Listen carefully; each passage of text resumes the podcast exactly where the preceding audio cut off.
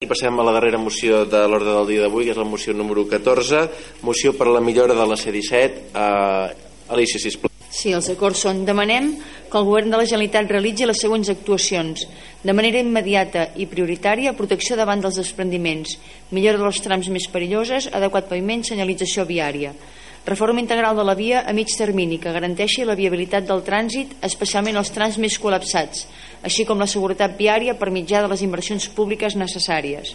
Donar compte de l'aprovació d'aquesta moció a la plataforma Stop, Accident, Stop Accidents a la 717, al Departament de Territori de la Generalitat de Catalunya, als grups parlamentaris del Parlament de Catalunya. Moltíssimes gràcies, uh, Miquel. Sí, eh, una de les conseqüències de que la C-17 doncs, no funcioni com ha de funcionar, evidentment també té connotació en el tema de la, de la R3. Si la R3 funcionés com caldria que funcionés, segurament que no s'utilitzaria tant la C-17. Dit això, eh, a veure, tots sabem que és una carretera que té molta perillositat, eh, diàriament hi ha mm, molts o alguns accidents i alguns de greus. Eh, l'últim que tots sabem mortal doncs no fa gaire que va passar Eh, tots sabem també que aquesta cartera doncs, eh, necessita o necessitaria una intervenció integral perquè, perquè pogués eh, ser una via de comunicació no solament eh, per la situació actual sinó per la situació futura perquè la situació futura d'aquesta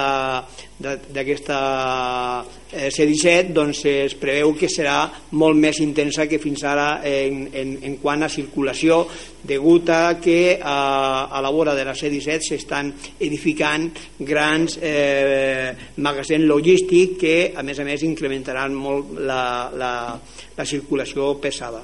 Doncs eh, per aquestes raons eh, i per lo que la part expositiva que ja heu llegit tot en, el, en, la, en la pròpia eh, moció doncs eh, estem demanant que se facin unes eh, unes inversions importants no sé si el que hi ha eh, pressupostat perquè es pugui modificar o millorar la C-17 és suficient o no jo crec que el que seria necessari seria molt més però en qualsevol cas doncs, bueno, eh, s'han posat ja i de fet ja estan arreglant alguns tramos de la C-17 però jo crec que en definitiva eh, hem de fer tot el possible perquè s'acabi eh, doncs, bueno, complementant eh, la millora de la C-17 en la millora de la R3 perquè aquestes vies de comunicació siguin del, del món actual i no del tercer món.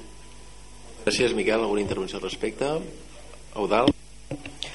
Sí, um, deixa, deixa'm fer una petita argumentació i començaré per, per una petita radiografia de, de la C-17 amb, amb dos trams, o sigui, el, el primer tram, el que va de, de, de Vic cap avall, eh, cal recordar que és la, la primera autovia que va construir la Generalitat quan va, va, va començar després de la transició, per tant és una, és una via molt antiga, és una via amb, amb una sèrie de deficiències que, que tenim tots molt clars i per això hi ha aquesta moció aquí.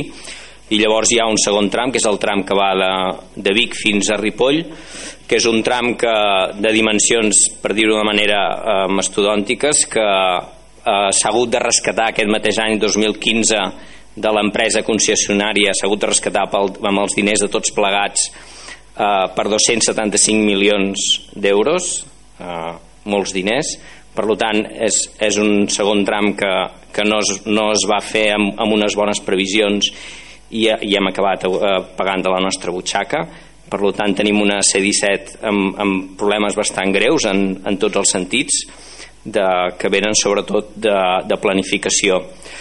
Eh, llavors, comentar que la CUP, en qüestions de mobilitat i infraestructures, prioritzem el dret a la, a la mobilitat, que és un dret que ha de garantir l'accessibilitat als serveis bàsics de tothom i a les necessitats bàsiques de tothom, però massa sovint aquest dret s'ha confós amb la necessitat de fer moltes i millors carreteres eh, i creiem que això és un error. En aquesta línia creiem que actualment a Catalunya i a Osona eh, s'ha de potenciar pel transport públic col·lectiu, una mica en la línia, bueno, totalment en la línia de l'anterior moció i això vol dir preus justos, bona xarxa de transport públic i per tant les polítiques de mobilitat i infraestructura haurien d'afavorir la reducció progressiva del trànsit motoritzat i el foment de, dels sistemes de mobilitat de menor impacte ambiental. Mm? Per tant, podem afirmar que les, que les actuals infraestructures eh, ens estan generant eh, un alt cost econòmic i, un, i, un, i són insostenibles a nivell mediambiental. Amb tot això eh, ens serveix per argumentar el nostre vot, que és, que és a favor, el que passa és que eh, recolzem plenament el primer punt de l'acord per la protecció actual de la via i el seu manteniment adequat. Això creiem que ha de ser totalment necessari. Però en canvi en el segon punt de l'acord nosaltres eh, hi votem a favor però treballarem perquè aquest segon punt s'encamini en aconseguir la viabilitat de la mobilitat en global del territori no només a nivell de carreteres i que aquesta sigui treballada en el sentit d'un transport públic i de menys impacte ambiental Gràcies. Moltes gràcies, Benjamí. Només per incidir que el tripartit va tenir a veure amb aquestes intervencions econòmiques que a dia d'avui patim. Ho dic perquè la memòria també només es fa servir per lo que mm, es, es creu que s'ha de fer servir. Moltes gràcies. Procedim a la votació. Vots a favor? S'aprova, per tant, eh, per unanimitat. En aquest cas som, som 20. Eh? En la votació és 20.